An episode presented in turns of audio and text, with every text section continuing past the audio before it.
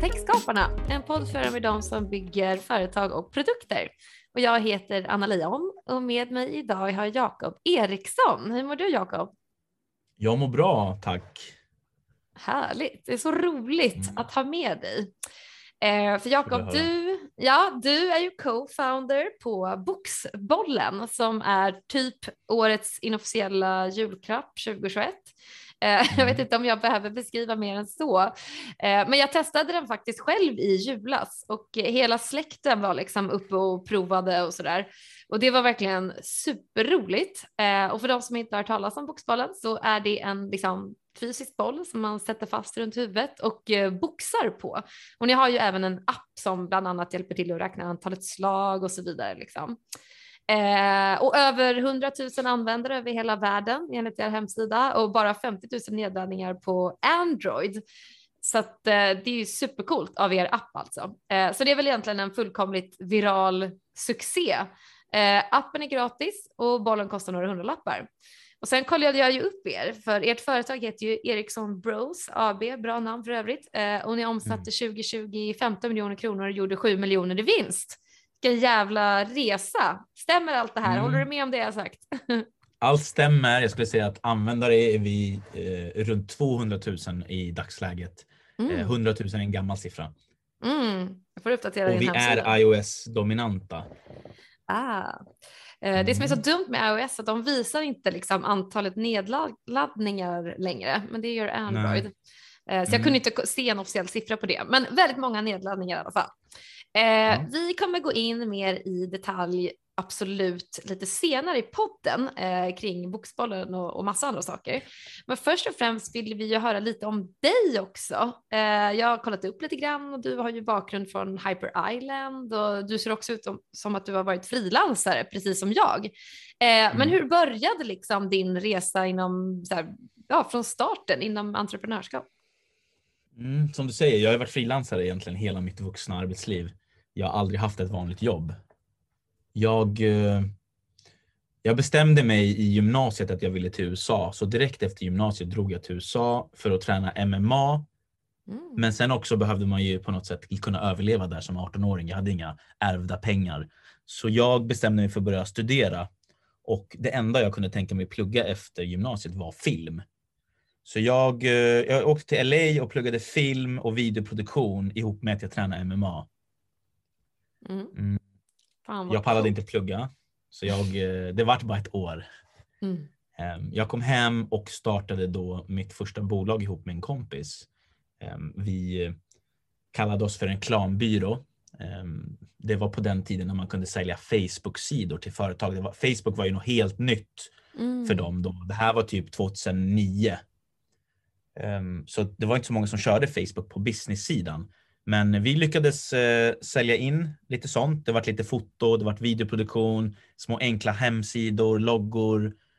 Um, vi höll på med det ett tag och sen så slutade vi um, och bröt där det hände en liten grej. Mm. Och då kände jag, fan jag vill ju hålla på med det här kreativa, men jag vill inte vara själv.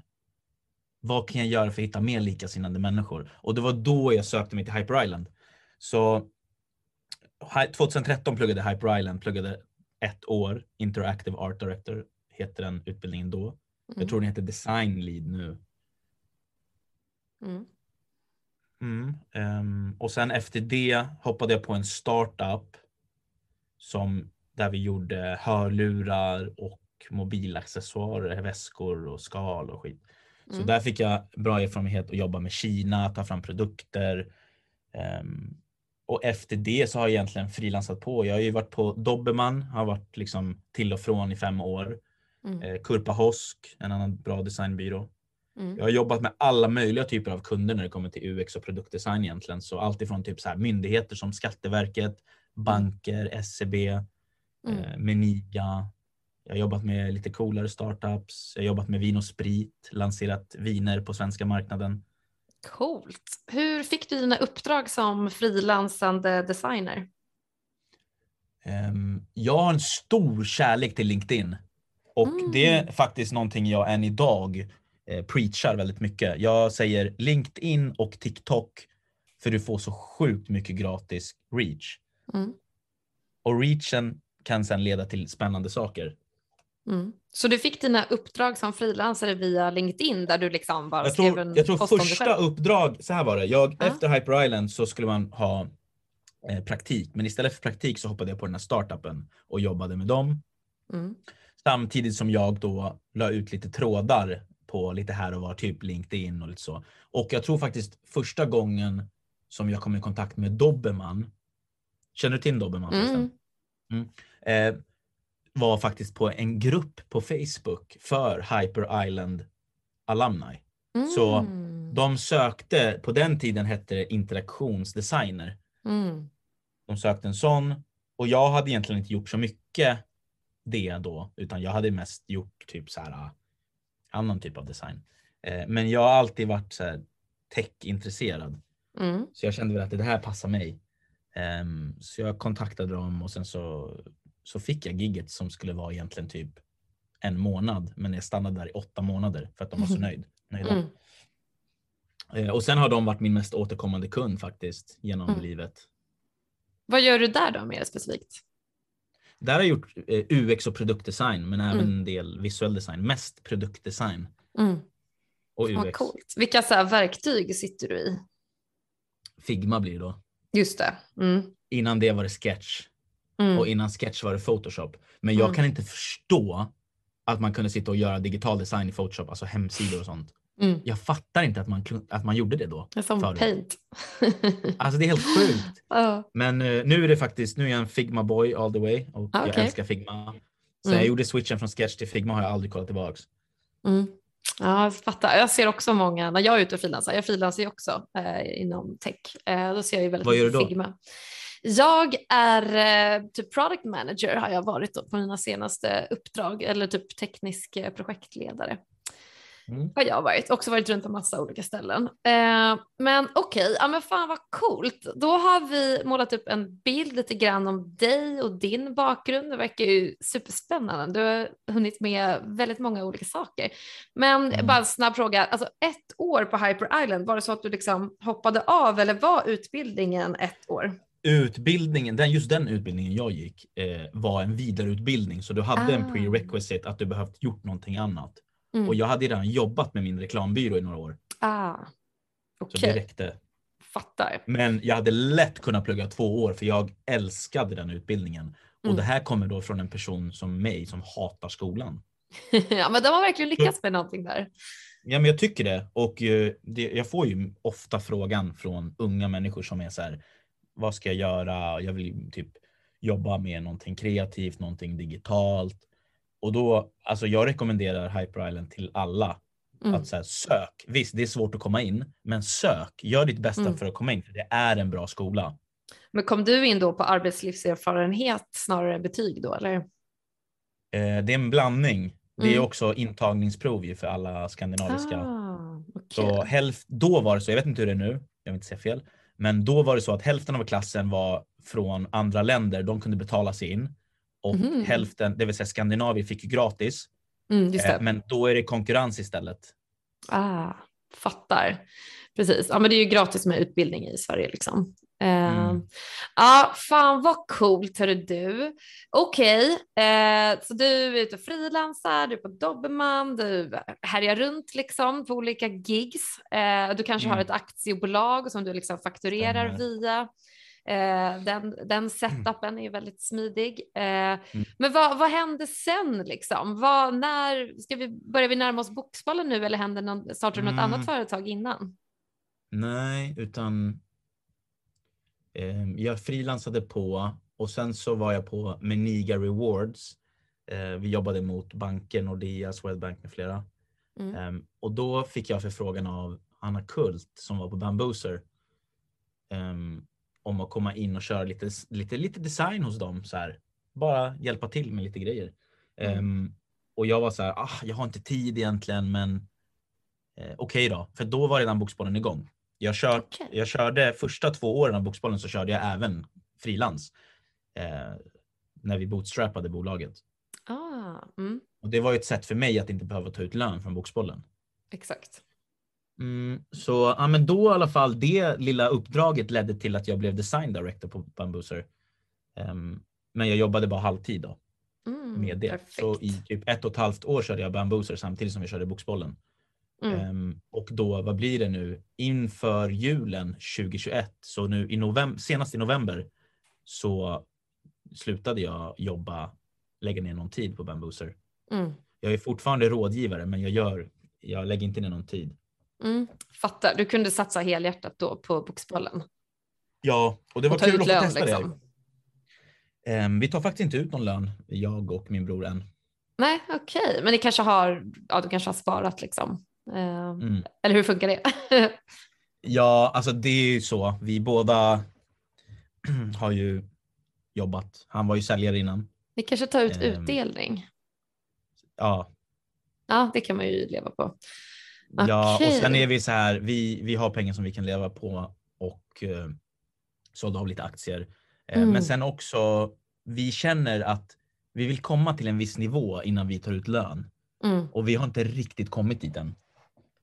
Men ni har ju Även typ en vinstmarginal på 50 procent. Ja, jag vet, jag vet, men vi är ändå så här. Vi vill vara fortfarande ett tag till. Vi vill vara, känna den här hungern. Du jag vet, fattar. att man är så här- fattar. Mm, du förstår. Men hur många, hur många, eller då är det bara, det är bara ni två i boxbollen, eller hur? Nej, vi är ungefär tio personer nu. Okej, och de får lön antar jag?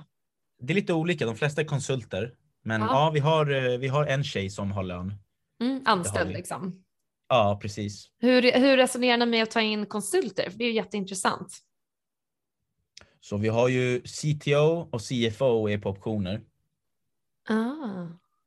Ehm, och de båda har sina egna bolag också. Ehm, sen har vi eh, liksom Head of Retail Scandinavia. Han är också på provision. Han har sitt egna bolag. Mm. Vi har eh, våra utvecklare sitter i, i Ukraina och i Serbien. Mm. De har egna bolag. Mm. Mm. Gud vad Alla intressant. våra, alla, nej men alltså, när, vi är väldigt lean. Vi har ju de flesta är egna bolag som vi samarbetar med.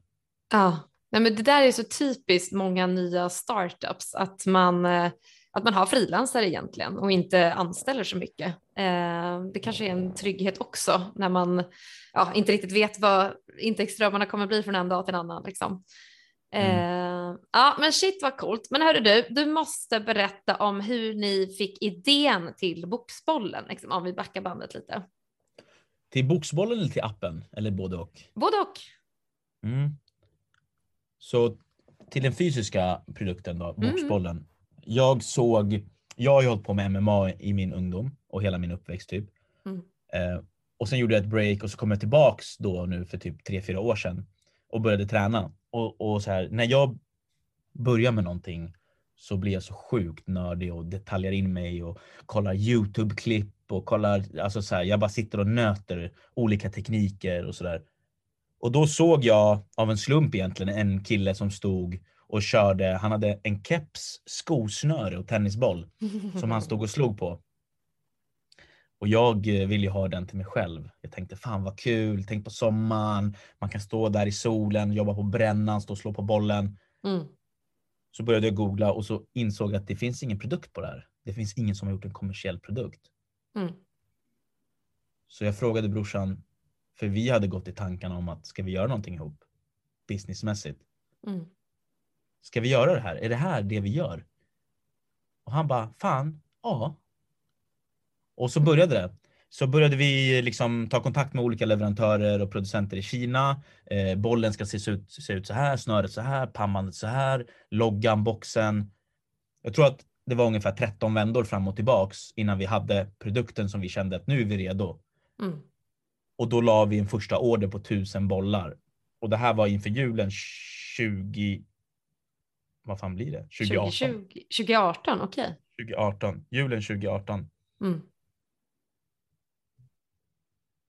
Och vi sålde 3000 bollar på två veckor. Balt. Hur lyckades ni med det?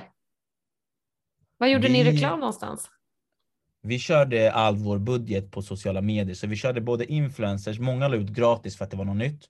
Mm. Ehm, men sen så körde vi också stenhårt med paid social annonser. Vad, vad är det för något? Eller paid social? Alltså, är det på Instagram eller? Paid social är alltså att man betalar i sociala medier för att ditt content ska synas. Aha, ja, ja, ja. Så influencers alltså. Nej. Nej. så, eh, nej men typ, alltså det är blivit det är så här ett branschuttryck. Jag trodde att du fattar, men man är så här, ah, man är insnöad. Men paid social, det är egentligen bara att du, du köper marknadsföring i sociala medier. Så Ah. typ Facebook, Instagram, TikTok Ja, ja, och så ja. vidare. Mm. Eh, du vet när du ser en video så står det så här sponsrat. Ja, exakt, exakt. Det ja. är paid social. Mm. Okej, Facebook, Instagram, liksom reklam helt enkelt. Exakt. Ah, Okej, nu kör du stenhårt på det. Eh, för att alltså, bollen kostar inte så himla mycket liksom. Så det, det, alltså, bara spontant känner jag att det låter dyrt, för det är jäkligt dyrt med liksom, paid social då. Mm, vi hade så sjukt bra resultat. Ja, Ehm, ja så men det var ju en succé julen- liksom. första julen sålde vi 3000 bollar. Mm. Eh, jag tror att det var 3000 bollar, 12, eh, 3000 bollar, 6000 bollar, 40 000 bollar och 200 000 bollar. Oj jävlar. Alltså om man tar jul efter jul. Vi har ju kört fyra jular nu. Ja. Fan vad coolt. Ja, Jag såg den ju Ja. först i julas. Eh, Nu i julas. Ja, nu i julas. Jag är sen på bollen. Nej, men, kul. Nej, men det som är kul, det är ju så här, ibland så tror man shit man har nått hela världen eller hela Sverige för att man har sålt. Ja. Då hade vi sålt typ 100 000 bollar och vi så här shit. Men det är kul att se att man så här, ändå inte har träffat en bråkdel av befolkningen. Ja, verkligen. För jag såg det ju via liksom influencers eh, Vem på då? Instagram. Oj, oh, gud vad bra fråga. Eh, jag tror faktiskt inte det var jag. Alltså jag, jag hade sett det, men det var typ eh, min brorsa eller någon som köpte den liksom till vi har ju här julklappslek, du vet, och så ska man betala så här 200 kronor. Det var så jävla bra eh, nivå liksom på prislappen på den, för Mm. då, då så slogs vi ju om den till slut. Bara, den vill jag ha, den vill jag ha. Men sen provade ju alla den. Men det var han som i alla fall hade sett den. Eh, Kul. men jag hade sett den och bara, fan vad cool den verkar vara, den vill jag testa. Men då så köpte jag den Mm. aldrig själv. Eh, Mm. Så det är nog, jag får fråga honom vem, vem han såg den av. Men eh, Mm. ja, jäkla cool och kul grej i alla fall. Eh, Okej. Och eh, så här, det kanske är självskrivande, men hur kom ni på liksom, namnet och köpte domänerna och hela den processen? Det är en bra fråga, men vi när vi hade kommit på, alltså jag vet inte, vi, vi kallade den typ Boxbollen direkt för att det var, vi hade massa olika working titles. Jag kommer inte ens ihåg dem nu för att Boxbollen var så starkt enkelt Mm. och beskrivande. Mm, verkligen. Det är ju så här, det är så klockrent tyckte vi. Vi var så här, men det är ju vad det är. Eh, och sen också att det är liksom boxboll en. Alltså att det är boxboll en och inte Mm. boxboll. Utan det är box, just för att vi ville vara den enda boxbollen. Förstår du? Mm, the one and only. Ja. Fattar. Har, alltså, har den sett likadan ut ända sedan ni släppte första versionen? Har vi liksom förbättrat dem? Den? Så vi har ju förbättrat den fysiska produkten lite grann och det är Ja. någonting som vi alltid gör. Mm. Eh, vi jobbar på det liksom batch till batch till batch, att alltid förfina. Men nu kommer det till nästa jul så kommer det faktiskt vara den största uppdateringen av den fysiska produkten som Mm. vi har gjort någonsin.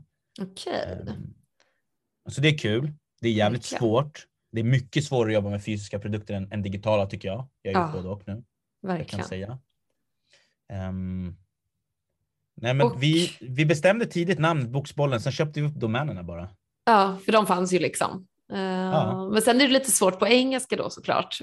Ehm, Mm, det är en bra fråga faktiskt. Den är lite djupare än vad man tror.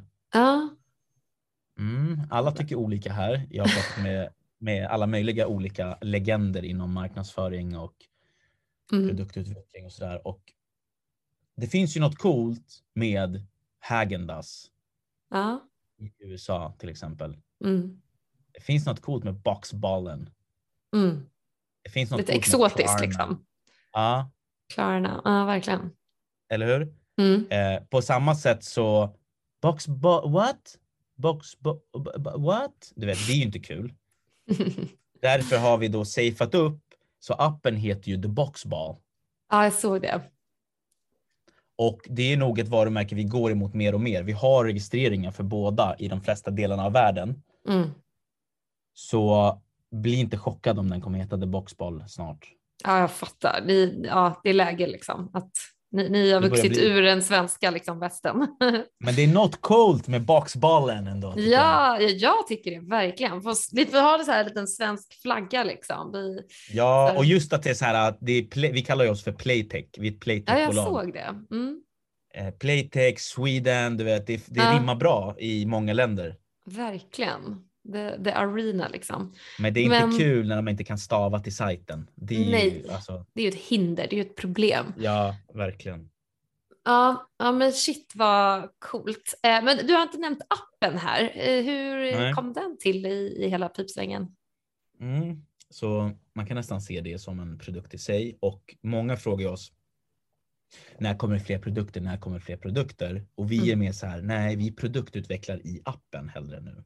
Okej. Så vi har ju hur mycket som helst att göra där och det släpps releaser hela tiden. Mm. Eh, Men jag ska backa bandet då. Så Ja.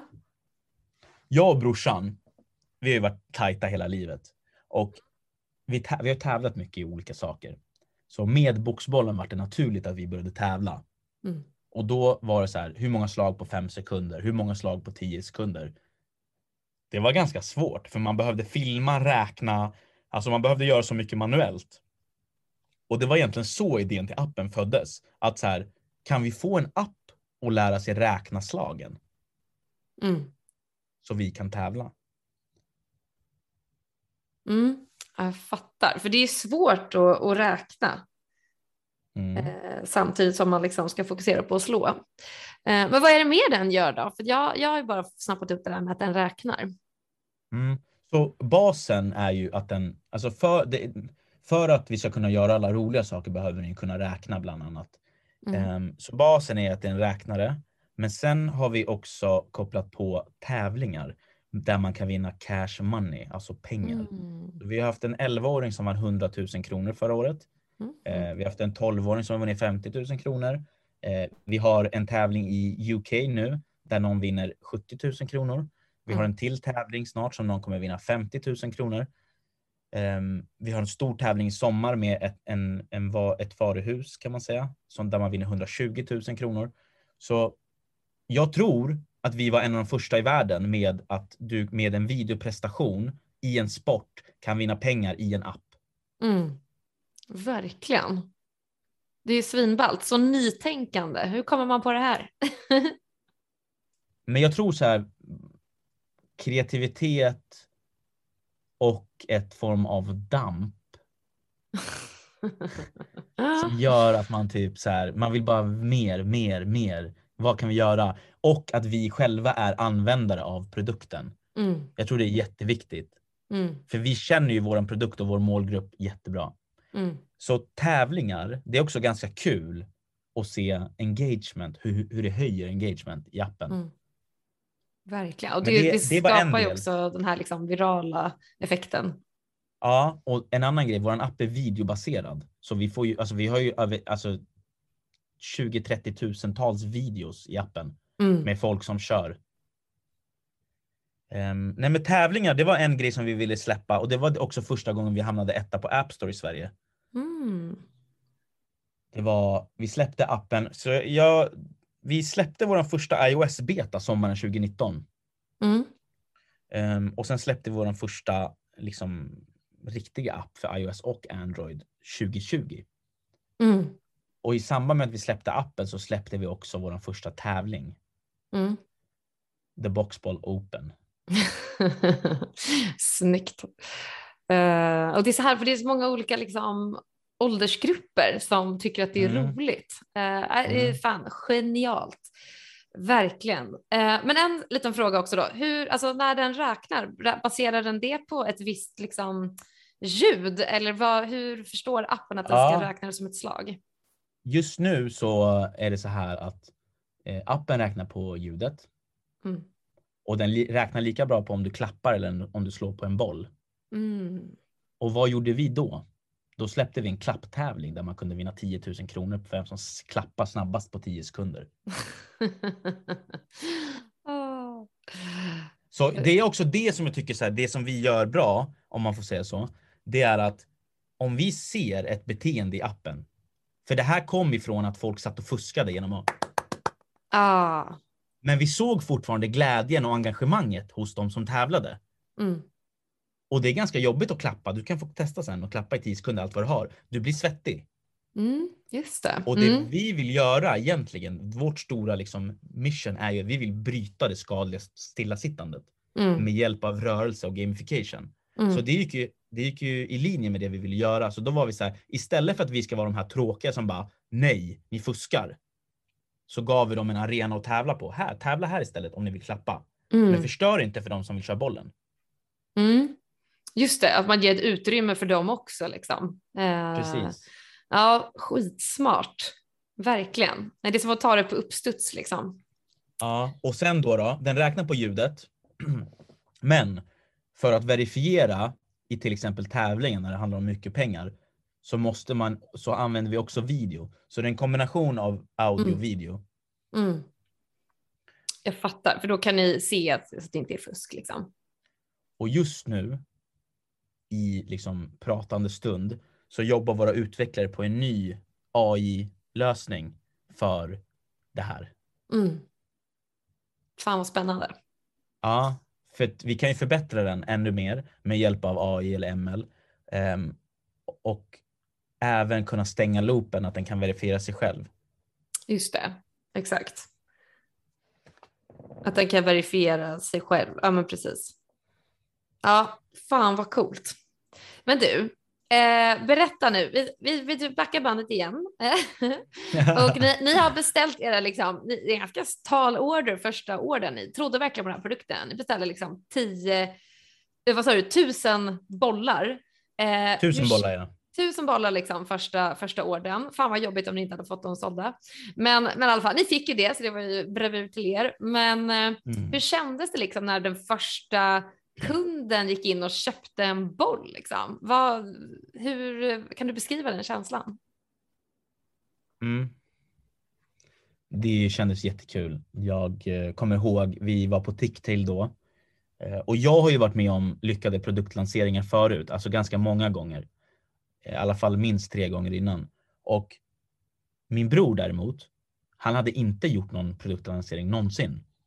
Och att se glädjen i hans ögon och se, han vart ju helt hög, eller vi båda vart ju typ höga. Man blir ju helt dopaminhög. Alltså, du vet, det bara plinga. Han hade notiser på, på sin telefon och det bara plinga hela tiden. Pling, pling, pling, pling, pling, pling, pling, pling. Du vet, order, order, order, order, order, order, order.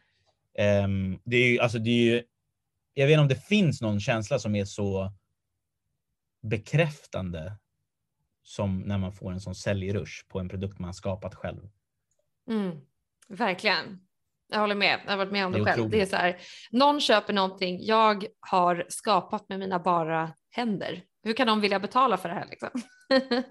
med sina surt förvärvda slantar. Liksom. ja. Uh, helt, mm. helt sant. Uh, men du nämnde också det här med finansieringen, vilket jag är superintresserad av. Och du sa att ni, ni hade möjlighet att bootstrappa tack vare att du även frilansade vid sidan av.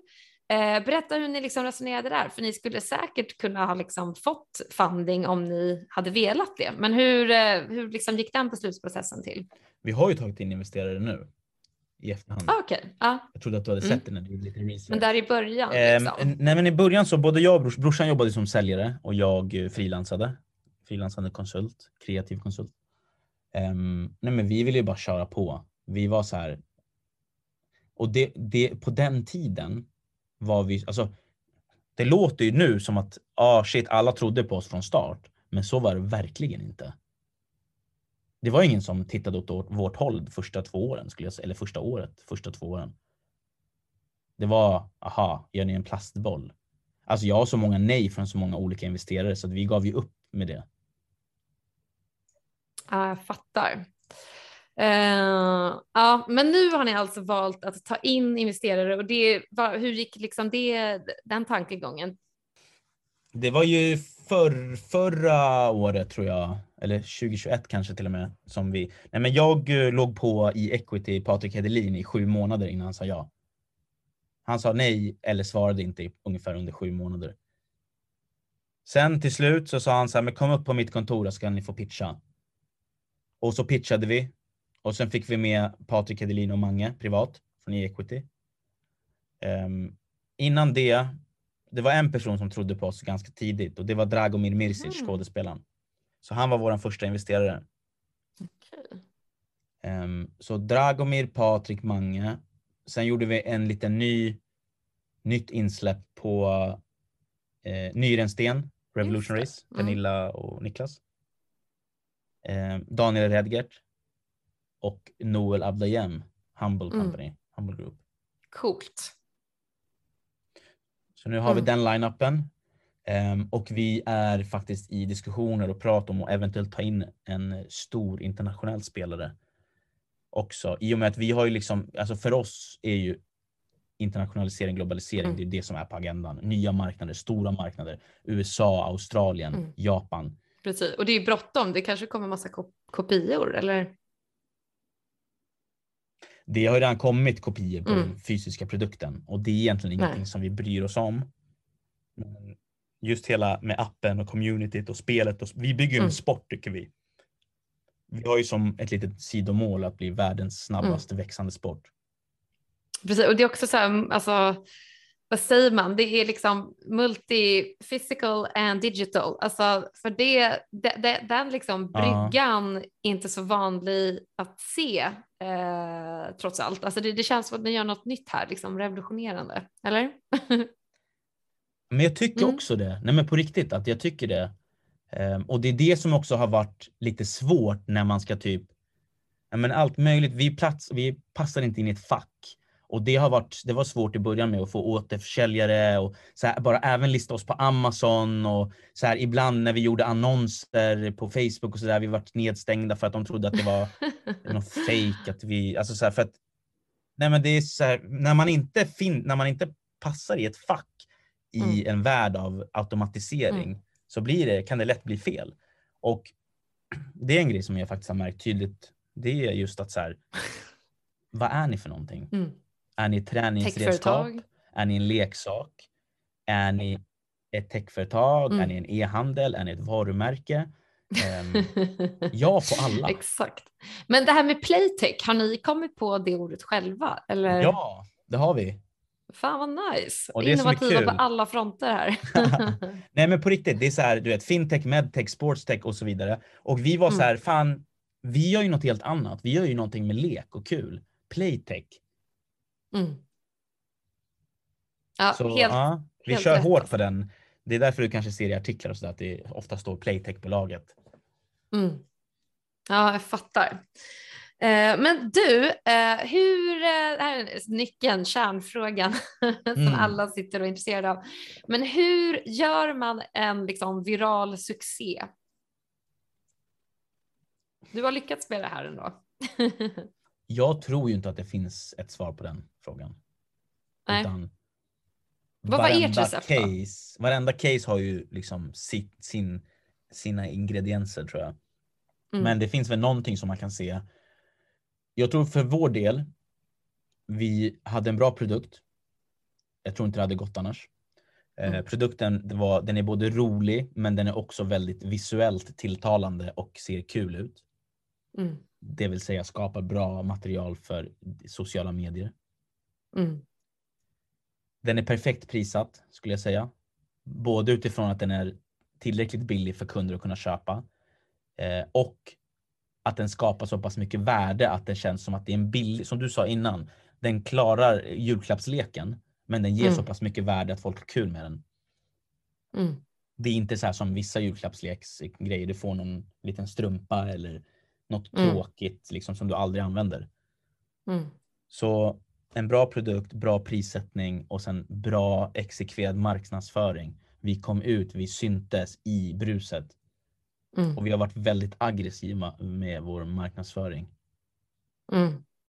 Hur undviker ni, nu kommer jag med en jobbig fråga här, men hur undviker ni att ni liksom bara blir en fluga? Eh, för det är ju en ganska stor risk när man blir en viral succé att det är så här whoop och sen liksom wow. Ehm, hur, hur kan man undvika det? Vad har ni för strategier där? Det är ganska kul att du säger det. För eh, det, det, är också, det är också en grej som vi har fått höra av alla. Av alla möjliga investerare och av eh, många människor. Och det här är bara en fluga. Det sa man första julen som vart lyckad. Det sa man andra julen som vart lyckad. Det sa man tredje julen som vart lyckad. Mm. Och det sa man även nu sist fjärde julen som vart lyckad. Ja. Det roliga är att vi har ju liksom mer än, vi har ju femdubblat och tredubblat vår försäljning år efter år efter år. Så du sa ju att senaste året som du kunde se var 15 miljoner i omsättning. Mm. Senaste året som du inte ser än så hamnar vi strax under 40. Mm. Och i år ska vi slå 100 miljoner. Mm.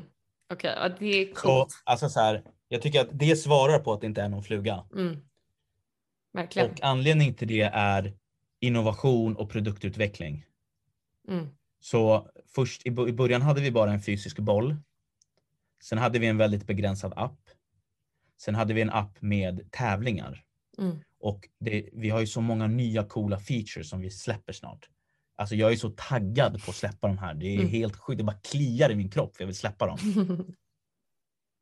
Och jag tror att i grunden handlar det om att jag och min bror, vi bryr oss om det här på riktigt. Mm. Alltså det är verkligen inte, vi vill inte bara sälja och tjäna pengar. Det är inte därför vi gör det här. Mm. Vi gör det här för att vi vill göra någonting stort, någonting globalt. Och vi, vill, vi ser glädjen, vad det här ger till människor. Mm. Mm. Bra svar. Håller med. Och framförallt har ni ju bara, ni har ju hela världen kvar, eller jag att säga. Ja, vi har ju alltså så här, Sverige, eh, sen har vi ju UK som är vår starkaste marknad just nu. Mm. Eh, sen har vi kommit igång i Tyskland. Mm. Eh, Finland har kommit igång riktigt bra nu faktiskt. Vi har lämnat över det till några entreprenörer där. Ehm, Mm. Och i år ska vi då lansera USA och eventuellt Japan. Mm. Men vad händer med Mexiko? Vad händer med, eh, med Kina? Vad händer med Ja. liksom, Brasilien? Eller, här, Vad, finns kör ni så här någon franchise-upplägg då? Du sa att du lämnade över där till Finland. Ja, eh, Finland just eh, har varit lite unikt. Eh, det är en marknad som vi känner att vi inte vill fokusera på själva. Eh, vi kan inte språket, Ja. vi känner inte att vi kan. Så, här. Eh, så det var egentligen via Per Holknekt, om Mm. du känner till honom. Mm. Eh, han hade någon kompis, vi, vi tog in honom där ett halvår och han hjälpte oss, han var guld värd. Och då kom vi i kontakt med en kille som är eh, någon finsk entreprenör och han sa att han älskar det här konceptet, han älskar boxbollen. Han sa snälla låt mig få testa Finland. Eh, och då har vi tagit, då har vi satt upp ett avtal eh, där de egentligen sköter rubbet. De köper bara, de köper bollar av oss eh, och de har en form av licens på varumärket Mm. så får de köra själva. Och det är ganska kul för att de har precis kommit igång för någon månad sedan Mm. eh, och de direkt stängde de en svinstor order till en återförsäljare. Så den säljs i hela Finland i butik på ett ställe som heter R-kioski Mm. och sen har de satt upp en egen e-handel. Eh, och de köttar och det är så kul att se. Mm. Snyggt. Hur kommer Ja. man in liksom på sådana här stora återförsäljare? Ni är på NK är till faktiskt- exempel. Ja, nej men det är väldigt olika skulle jag säga. Ehm, nu har vi en person som jobbar med det hos oss. Eh, och eh, ja, nej men vi kommer, vi har precis kommit in på en, en av Sveriges största butiker, eller jag vet inte om man ska säga butiker, matvarubutiker kanske det kallas till och med. Ehm, Mm. De finns i hela Sverige och eh, det är via den personen som har legat på. Han kommer från Ideal of Sweden och var, Ah. jobbade med retail där. Så vi försöker ju rekrytera bra personer hela tiden och personer som brinner för det de gör. Så ja, Mm. sen har vi också en sales agent som jobbar mot hela världen. Så till exempel vi kom in på Selfridges i London. Mm. Herregud. Det var via honom. Ehm, och de här Och de har människorna har ju kontakter då, kontakterna. liksom, ja, eller? de jobbar ju med det här. Det är deras liksom, de, har, de känner alla inköpare och de har andra produkter som de säljer in. Och Ja. Boxbollen är en väldigt lättsåld produkt. Mm. Men vi själva, jag och brorsan har sålt in till nästan alla återförsäljare hittills. Det är från just för typ några månader sedan som vi har tagit in folk på det här. Mm. Så Apotea, Apotek Hjärtat, Meds, Kjell Company, Teknikmagasinet och så vidare. Och hur gör ni då? Liksom? Kontaktar dem på LinkedIn och säger ni borde köpa det här? Eller? Det, det kan vara en väg. Eh, mail är Ja. en annan väg. Eh, vi har haft en distributör också i Skandinavien ett tag. Ehm, men mest har det varit det har varit oftast i samband med mycket liksom, sociala medier och press. Och, eh, till exempel Apotea var det så att vi har ju ett samarbete med Rosa bandet, Bröstcancerförbundet. Ah. Ehm, och bröstcan- vi har ju donerat över, över 1,5 miljoner till Rosa bandet. Mm. Och i och med att vi har gjort så bra så ifrån oss så ville ordförande där koppla ihop oss med en av deras andra sponsorer då, eller partners som Mm. det heter. Vilket var Apotea. Och Apotea har varit en väldigt bra kund till oss i många år. Mm. Så det är ett sätt att komma in. Eh, Ett annat sätt är bara liksom att cold calla, mejla. Mm, mm. That's the way liksom. Mm. Jag tror bara att det handlar om att ligga på. Mm. Vad jobbig. Vad jobbig. Ah, shit, jag, Ja, jag jag kan fattar. jävla jobbig. Jag kan tänka mig det faktiskt. Vad kan det då? Vadå? då? Eh, eh, men du, eh, kan du bara berätta, vi, nu, går vi, nu rullar vi tillbaka igen, gud vi rullar tillbaka. Men nu det rullar är vi du, det tillbaka. är inte jag. men jag vill, jag vill så här suga, jag vill veta. Eh, så liksom, på ritbordet, om vi går tillbaka dit, liksom, i vilket så här, program liksom, ritade du den här bollen i och skickade över ritningarna till Kina via? Liksom? Ehm, det var inte riktigt på det sättet, utan det var mer, så här var det mer, utan vi, vi, vi kollade Alibaba på massa olika bollar. Och så kollade vi Alibaba på massa olika headbands. Ah. Eh, och eh, på det sättet så var det väldigt manuellt. Vi fick hem dem, vi byggde ihop dem själva och sen skickade vi tillbaks det vi gillade. Och så sa vi det här fast gör bollen lättare. Det här fast gör snöret starkare. Det här fast gör pannbandet så. Alltså förstår du? Mm, mm, Men mm. själva ritningen gjordes faktiskt i Illustrator, Mm. Adobe. Just det. Fattar. Och gjorde du den till slut eller tog ni in någon? Eller? Eh, jag gjorde den ihop med Ah, brorsan. fan, snyggt. Ehm, och sen då görs det då en mold för att göra Ja. bollen och det görs då i 3D. Eh, och det hade faktiskt, de hade sina ingenjörer i Kina. Alltså Kina, de har väldigt skillade människor där måste jag säga, även fast det är svårt att jobba med dem. Mm. Varför är de svåra att jobba med då? ja, det är en bra fråga, vad jag ska säga här. Men Det kanske är kommunikationsbiten eller något sånt. det är det, ja. Förenklat sett, ja. Mm. Jag fattar. Lite olika kulturer liksom. Ja, verkligen. Vi, vi har ju Ja, varit jag där nu eh, en eller två gånger. Två gånger tror jag. Ehm, och det är väldigt annorlunda. Mm. Jag fattar. Okej, men du, eh, ni har ju också en, den tekniska delen av produkten som såklart eh, vi som är, lyssnar på den här podden eh, är väldigt eh, sugna och intresserade av. Så kan du inte berätta lite om er så här tech stack om du, om du har koll på det? Alltså hur har ni byggt Jo. appen? Och, Från början, alltså vi, det, det är kul för vi har gått lite olika vändor och eh, gjort olika val längs vägen. Så vår första, första beta var faktiskt gjord i Unity. Fr- men det släppte vi ganska tidigt. Eh, så gjorde vi en iOS-beta, helt native. Ehm, det, som var, det som sög med det var att vi inte hade någon för Android. Eh, så då stod vi då inför valet när vi skulle släppa, vi skulle göra både för iOS och Android, så sa vi så här, vad ska vi välja? Vi kollade på lite olika sådana ramverk, sådana cross-functional. Mm. Och valde faktiskt Flutter till slut. Mm. Så våran app är Flutter men med väldigt mycket delar native, så både iOS och Android. Um, kör Firebase eh, backend. Mm. Men både det håller på att bytas ut. Våran CTO eh, håller på med lite ändringar där, byter. Och, men jag tror vi kommer ändå vara klar, kvar på Flutter. Mm. Eh, men många delar blir mer så här, native specifika. Mm. Sen håller vi på att trycka in då AI i Mm. appen. Ehm, det är ju egentligen det som kommer, alltså om man ska säga av alla grejer vi jo- gjort hittills så är det nog en uppdatering som kommer göra störst skillnad för flest användare. Mm. För just nu så räknar appen som bäst i väldigt tysta miljöer och när man är ganska bra på bollen. Mm. Eh, är du Så inte så, hårda bra, slag liksom? Eller? ja, eller distinkta slag mer än hårda, men ja, precis. Mm. Mm. Så det vi vill förbättra med det med hjälp av AI, det är dels att folk som är lite sämre i början kan använda appen tidigt. Eh, och Mm. att du kan köra i lite mer bullriga miljöer, du kan köra med musik, du kan Mm. köra på liksom utomhus med vind och lite så. Mm. Mm. Ehm, Kanske får mest rena träffar nu liksom. Alltså nu, den, den gör ju sitt syfte när du ska tävla. Mm. För att du vill ju ändå liksom köra i tysta miljöer när du tävlar för bäst fokus. Mm. Mm, men Ja, det. Nej, men vi har massa roliga grejer som vi kommer kunna släppa också med när vi har den nya basplattan så att säga. Mm. Jag fattar.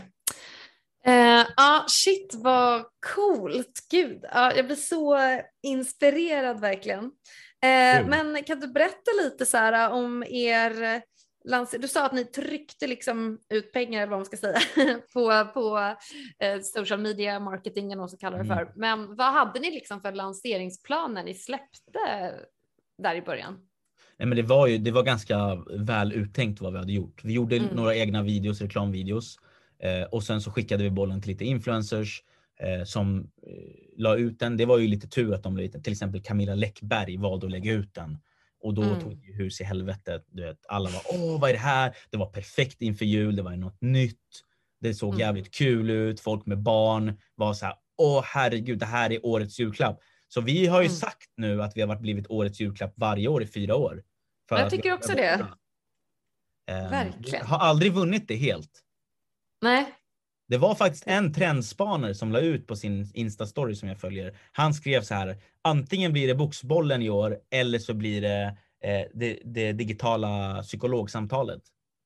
Just det. Mm. Förra året då. Um, men det vart ju, vad vart det? Gud, jag kommer inte ihåg. Inte ihåg. Det blir alltid något tråkigt tycker jag.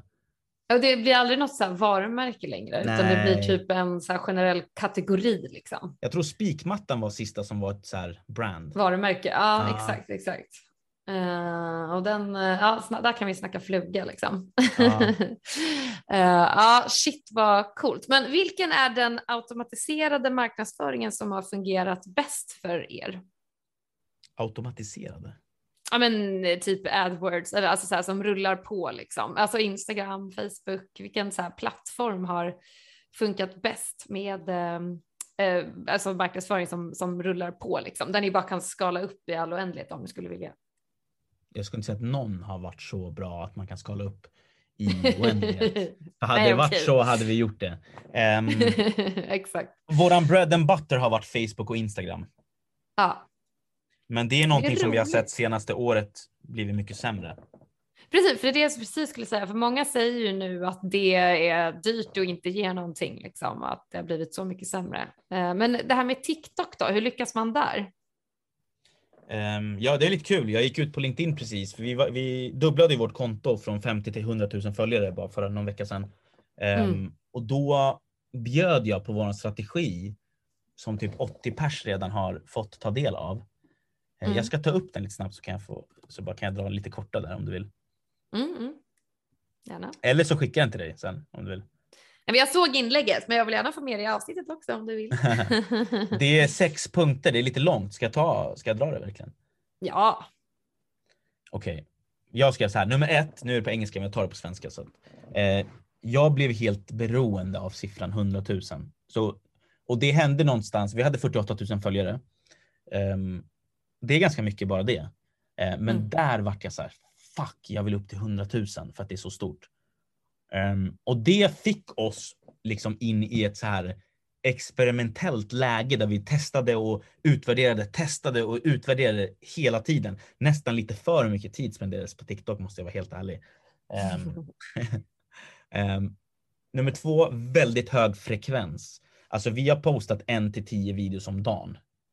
Sen har vi tagit, mm. tagit bort saker som inte har funkat och sen fortsatt med saker som har funkat. Då har vi gjort mer av det.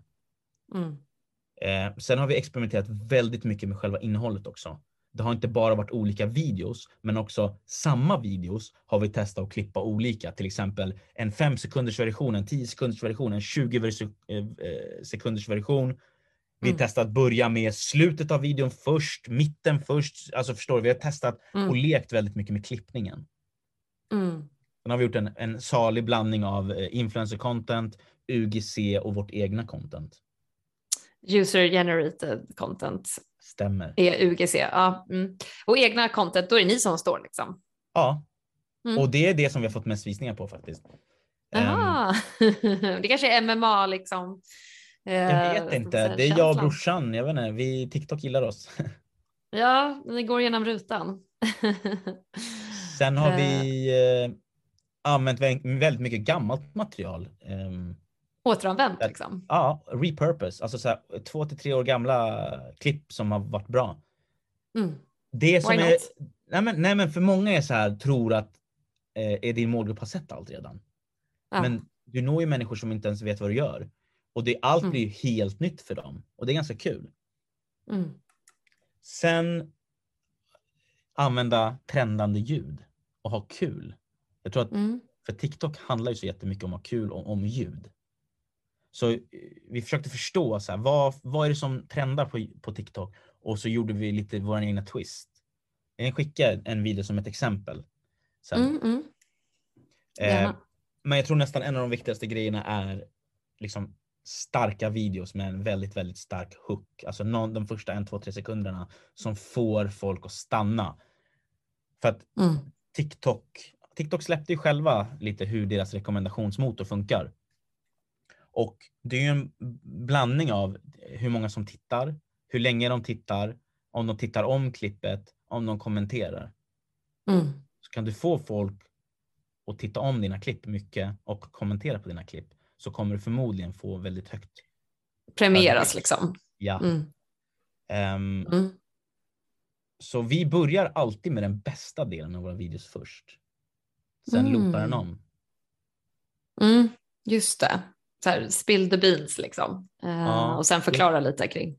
Precis. Mm. Jag tycker typ många gör fel där. Jag får ju väldigt mycket förfrågningar just om marknadsföring och TikTok som du förstår. Mm. Och jag tycker många brands och många företag gör felet att de säger att de, de vill berätta saker i, i exakt som storyn är. Så att Kronologiskt liksom. Precis. Och det bästa är oftast i slutet, eller i, i närmast i slutet. Ja, poängen kommer ju då liksom. Precis. Men det finns ingen som orkar titta så längre. Nej. Utan man vill ju ha den här quick fixen, jag vill veta nu. Mm. Så därför kan det vara bra att börja med det bästa först och sen tjoff, gå tillbaks. Mm. Just det, loopa också lite sådär. Ja, jag fattar. Var, var det alla sex? Ja, det var de sex punkterna som jag Fan vad bra tips. Du är verkligen eh, kungen av marknadsföring. Tack. Nej men grejen är så här, många av de här sakerna är, det är inget nytt. Det är det som är det roliga. Det är bara att det här har funkat för oss och jag vill jättegärna Ah. dela med mig av det. Ja, men det, det, jag älskar den attityden. Det är ju många som bygger företag som är vi har företagshemligheter hit och dit och du vet liksom. Och jag Ja. tycker bara det är så jävla larvigt för det är så här, man kan lyfta upp varandra. Det är nog svårt ändå liksom. Mm. och framförallt så tänker jag att folk har liksom inte orken en- eller, eller energin att bara kopiera rakt av. Liksom. Vem vill, vem, man vill göra sin egna grej. Liksom. Eh, Så Mm. man behöver inte vara orolig för det där momentet med att folk kommer stjäla saker hit och dit. Eller hur känner du? Jag känner ganska starkt kring den här frågan för att ofta får jag också du vet, folk som vill ha tips. Det här är ganska Mm. kul. Folk som vill ha tips, de kanske skriver till mig på LinkedIn eller typ så här träffat på stan eller någonting och så är de så här vill ha tips men så är de så här, ja, men jag vill, jag vill inte berätta min idé för du kanske snor den. Just det, exakt. Och jag har så lite, alltså så här, för mig, om man skulle säga idé versus execution. Och det här låter kanske konstigt nu, men jag tycker idé betyder ingenting. Ja, håller med. Mm. Alltså execution är allt. Mm. Verkligen. Alltså såklart det behövs en bra idé. Det, alltså det är så här, ja, men det finns i överflöd. Bra idéer. Alla människor har bra idéer varenda dag, tror jag. Mm. Mm. Och jag är helt övertygad om att det är flera hundra människor minst som har tänkt på att göra boxbollen innan oss. Mm. Säkert. Ja, han snubben som du fick inspiration av hade ju uppenbarligen idén, liksom. men han har inte Ah. exekveringsförmågan å andra sidan. Eh, nej men det jag förstod, eh, det jag lärde mig var att det här har funnits i över hundra år. Men det är ingen som Mm. har gjort en produkt av det. Mm. Helt sjukt. Mm. Men jag menar det är en Ja. enkel konstruktion, varför har inte någon gjort den egentligen? Mm.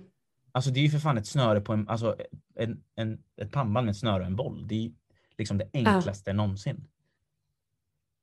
Ja, jag, alltså, jag verkligen håller med. Jag är helt amazed. Men på temat det där du sa att ideas are worthless typ och execution är allting. Jag håller helt Mm. med. Och Mm. jag brukar sträcka den teorin lite, ännu lite längre för att execution, alltså många kan vara så här, du vet, ja nu satsar jag på det här, wow, nu ser jag upp mig och bara köttar, Ah. köttar, köttar. Och sen så typ så här tappar de det efter typ en vecka eller typ Jag en månad vet. eller någonting. Så jag pratar ofta om att så här, man måste ha konsekvent liksom input som hela tiden liksom froda sin idé, för det är så otroligt lätt att den själv dör eh, och inte Mm. blir någonting och bara, nej men det, det, det blev ingenting, du vet sådär. Så liksom det här konsekventa inputen är någonting som jag alltid tipsar om och försöker liksom inspirera folk kring. Eh, håller du med om det eller? Ja, det gör jag. Det är så himla lätt annars att det bara så här, nej men det kändes inte kul, det blev inte en instant viral hit så jag skiter i det typ. Ja. Eh, lite åt det hållet. Ja, ja, men shit, det här har varit så otroligt intressant och jag är extremt eh, imponerad av hur liksom givmild och öppen och inspirerande du är som person. Kul. Eh, men vi vill ju också höra om ha, ni- nu låter det som en så här klockren framgångssaga när du berättar om det, men vad, har ni haft några kriser liksom? Har ni gjort några misstag som du kan dela med dig av och som vi, vi andra kanske kan undvika om vi får höra om dem? Mm. Mm, jag berättade om den lyckade starten. Mm. Ehm, vi hade ju då sålt 3000 bollar och vi hade bara 1000 bollar hemma. Så först fick vi deala med alla arga kunder, ungefär 2000. Herregud. Eh, Vi löste det ganska bra. Vi gav dem ett digitalt vykort som de kunde ge till personen. Där det var en bild på tomten som hade boxbollen på huvudet och sa så här, jag är på väg med din boll, sorry att jag är sen. Mm. Och du vet, det tycker ju barn är kul att det är lite så här, lite lekfullt. Mm. Men sen när vi skulle få våra nya order som vi la. Så fick vi tusen bollar som var åt helvete fel. Mm. Då hade våran leverantör fått för sig att Nej, men jag förbättrar snöret och gör det lite tjockare och starkare. Ehm, vilket gjorde att produkten inte funkade. Så Mm. det var ju en bajsmacka utan dess like för oss som helt nystartat bolag. Vi är redan 2000 bollar back. Vi får hem 1000 som inte går att sälja Mm. inte går att leverera. Var det hela batchen liksom? Ja, det var Eller hela så här, hur- batchen. Nej, det var hela batchen. Och vi fick ju inte reda på det förrän de här gick ju ut till kunderna först. Åh nej, åh panik. För du vet, vi var ju så här.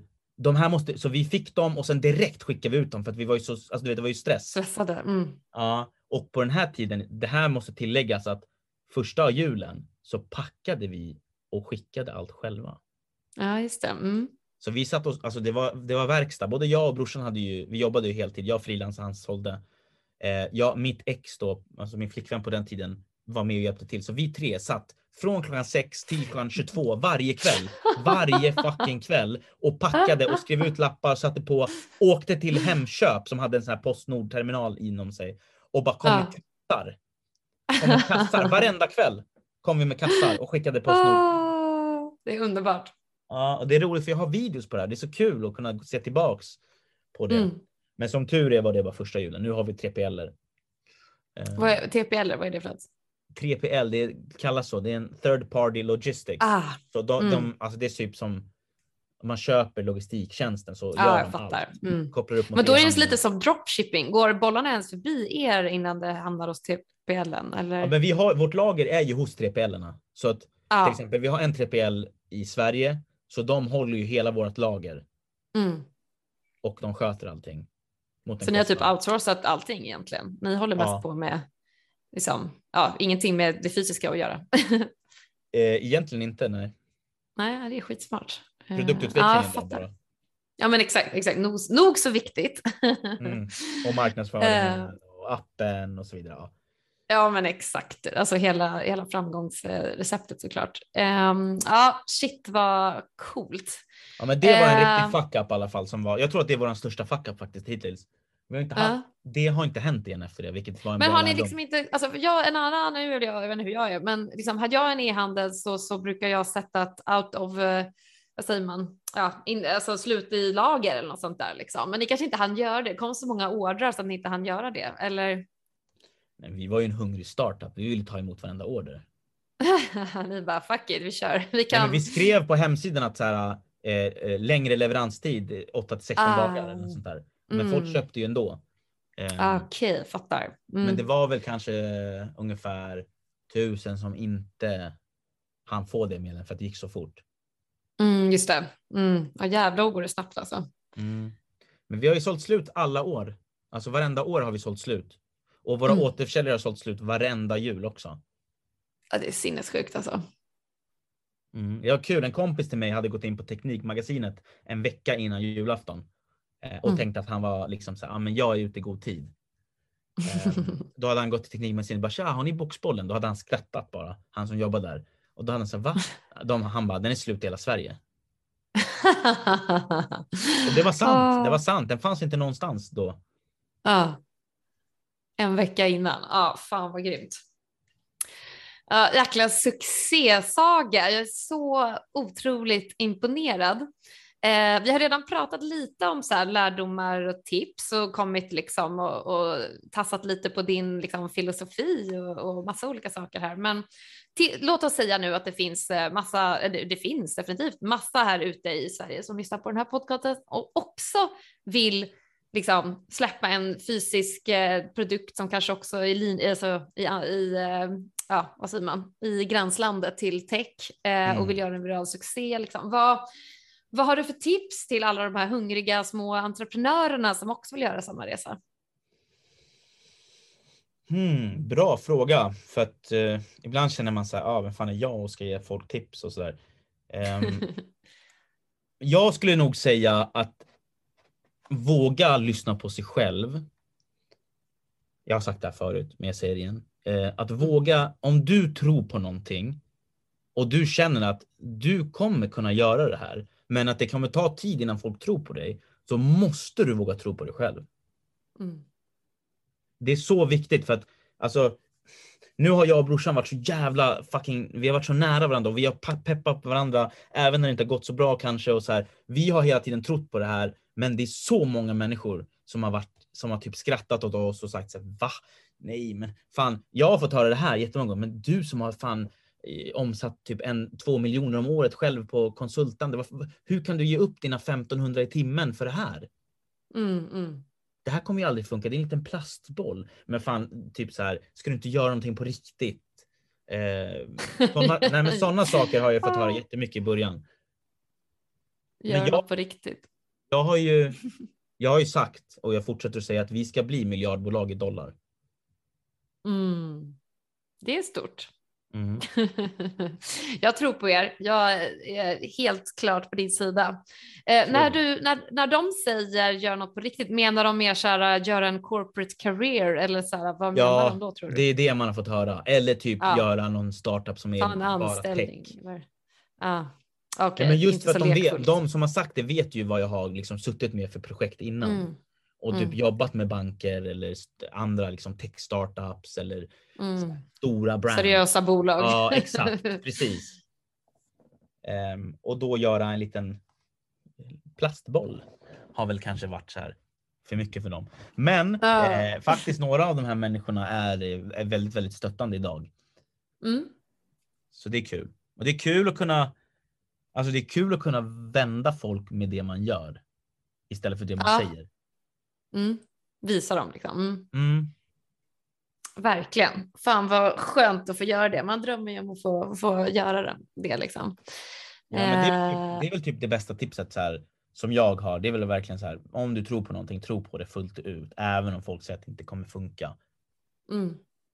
Sen så mm. skulle jag vilja säga ett annat tips som faktiskt har varit väldigt, eh, det är en grej som jag lärde mig för några år sedan egentligen. Det är att inte ta nej. Mm. Och det låter lite sjukt när man säger det, för det kan ju vara borderline fel. Men...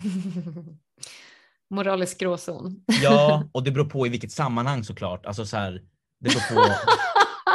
Jag fick jag något helt så här, typ eh, det här ett nej, ett nej som alla säger. jag vet. Om så här, oh, gud. Ja, nej, fortsätt du. Ja. ja. det, det jag menar, jag menar ingenting sexuellt, utan jag menar men till exempel då, våran första, eller en av våra första investerare. Han sa ju nej i sju månader. Mm. Men varför gjorde han det till slut? Um, det är så många gånger, jag brukar säga, jag har läst någonstans att ungefär sju nej behövs det innan det kan komma ett ja. För mm. att människan är så ruttad i att säga nej till saker och ting. Eh, mm. För att man har fullt upp och man orkar inte sätta sig in och man har sina egna problem och man har sina egna mål och man har sina egna drömmar. Och fan, nu kommer den här och vill sälja in det här. Fan, jag hinner mm. inte idag. Eh, mm. att, för att jag tror att tidigare i min karriär och i min liksom, uppväxt och sådär så har man varit så här, man har fått ett nej och så vågar man inte fråga igen. Eller man, man är så här, nej men den här personen vill verkligen inte. Mm. Precis, men, man tänker att man respekterar det liksom. precis. Och nu är jag helt tvärtom. Nu förväntar jag mig ett nej när jag säger någonting. Det är det, ja. Jag tänker att jag kommer redan få nej på det här. Så mm. till exempel, lek med tanken att jag skulle vilja att ni skulle sälja in, att ni skulle, du skulle ta in Boxboll, du jobbar på något bolag säger vi och så ska jag, mm. vill, jag vill att du ska köpa in den till alla dina anställda till exempel. Mm. När jag säger det till dig så kommer jag redan förvänta mig att du säger nej. Mm. Vilket gör det ganska skönt. Att jag visste att du ändå kommer säga nej. Och det tar bort lite det här fear of failure som jag tror många sitter på. Mm. Indeed. Så tro på sig själv och gå förbi nej. Mm. Alltså med, nu för det här är en rätt specifik fråga, men med vilken frekvens påminner du dem liksom, över mail eller ringer du dem eller så här LinkedIn? I don't know. Vågar man skriva varje vecka eller? jag, alltså till exempel med den investeraren då, om vi tar ett riktigt case. Mm. Då var det så här att det var ointresse från hans sida, nej. Eh, men sen så började jag med en taktik att jag varje gång vi gjorde någonting bra eller något positivt så kunde jag droppa ett linkanmeddelande eller ett sms eller ett mail. Jag blandade ofta plattformar för att det skulle komma från olika källor. ja, vad roligt det är. Ja. Och så kom det typ så här, här kommer en nyhetsartikel, här var vi etta på App Store, här var det här, här var det si, här var det så. Så det var mm. hela tiden bombade honom med positiva nyheter om Boxbollen. Just det. Och jag vet att sånt där går in. Alltså det är så här, mm. det går inte att anse saker. Alltså du, du har sett det redan. Okej, okay, det har gått in i mm. din hjärna. Och det var faktiskt en person på Facebook som sa det här till mig för länge sedan när jag jobbade med, med Per Morbergs sociala medier och hans viner. Um, då sa han så här, för vi var lite så här, varför får vi så lite likes på våra grejer? Mm. Och då sa han så här, kolla hur många visningar ni får. Och den grejen tycker jag är ganska bra för att om folk har sett det, då har de sett det. De behöver inte lajka det du gör, men de har sett det redan. Mm. Så om du trycker ut ditt budskap gång på gång på gång på gång. Det är därför reklam funkar. Mm. Det går ju in i folks hjärnor. Det, det sätter sig där i det mm. undermedvetna. Så han mm. fick ju bli matad hela tiden med positiva saker om boxbollen. Så till slut sen då, då när jag försökte typ stänga och sa så här, men fan, kan vi inte ta ett möte? Jag vill pitcha på riktigt. Då sa han så här, okej, okay, kom till vårt kontor den här datumet, mm. den här tiden. så gick jag och brorsan dit och det var så jävla kul för att han bara stod, satt och kollade och skrattade och log på oss och sa så här, killar, ni är så duktiga. oh, lite nedlåtande i och för sig. Väldigt. Han är, han är lite så, men han är rolig. Okej. Okay. Ja, fan så jäkla inspirerande. Uh, vi börjar, vi har, vi har snackat på jävligt länge nu, herregud vi får snart slut om mm. tid. Men uh, du har ju delat med dig redan massa spännande saker som kommer och du berättar ju att du är så jävla taggad så du på sprickor liksom. Mm. Uh, men vill du dela med dig av lite nya features och vad är liksom långsiktiga vision för Boxbollen? Mm. Så långsiktig vision är att vi ska vara ett household item. Vi ska finnas globalt i hela världen. Så det spelar ingen roll om du ska vara i Afrika, Sydamerika, Europa, eh, USA, eh, Asien. Du ska alltid kunna köpa boxbollen på din hemmamarknad. Mm. Um, vi ska vara världens snabbast växande sport. Vi ska gå om paddel. Mm. Um, det är egentligen de två stora målen vi har. Mm. Um, inom två år så snackar vi om att vi vill göra en del exit till någon så som exempelvis Microsoft. Mm. Um, sälja ungefär halva bolaget och vara kvar i ett, tre år och ta det så långt vi kan med någon som har muskler. Mm. Fattar. Men du, du ser ändå en exit i en nära framtid då? Ja, men en del exit i alla fall. En del exit. Ja, mm. Och ta in, någon, ta in någon stor jätte med muskler som kan liksom få ut oss ännu snabbare. För jag menar, nu har vi ändå hållit på i tre år um, och det, vi har, alltså jag har ju velat komma ut globalt redan år två, men det tar tid. Det är svårt, mm. det tar tid, det tar tid, det tar tid. Dyrt. Jag märker att det vi gjorde, ja precis. Jag, och jag märker typ att det vi gjorde förra året ger frukt nu. Mm. Så jag tänker att får man med någon som har lite mer muskler som kan trycka ut i sina nätverk och mm. så kan det gå ännu fortare och bli ännu större snabbare. Mm. Verkligen. Ja, jag fattar. Det låter som att ni, ni vill vara en så bruksprodukt hemma i liksom eh, familje, familjehemmet. Men verkligen. Alltså det är så här, ja. det och sen växa sporten. Mm. Det är verkligen två spår med sporten och, eh, och bara det kul. Alltså så här, family mm. fun är en del och det säljer vi väldigt mycket på. Men sporten, det är en helt annan sak. Det är verkligen, det är mm. ganska kul. Vi har ju våran tävling i England nu. Mm. Och eh, det är två killar som är i final. Eh, och det är första gången vi har vuxna män som är i final. Vi hade också en kvinna som var vuxen. Eh, hon mm. åkte ut, hon kom trea. Mm. I Sverige har vi bara haft barn som har vunnit.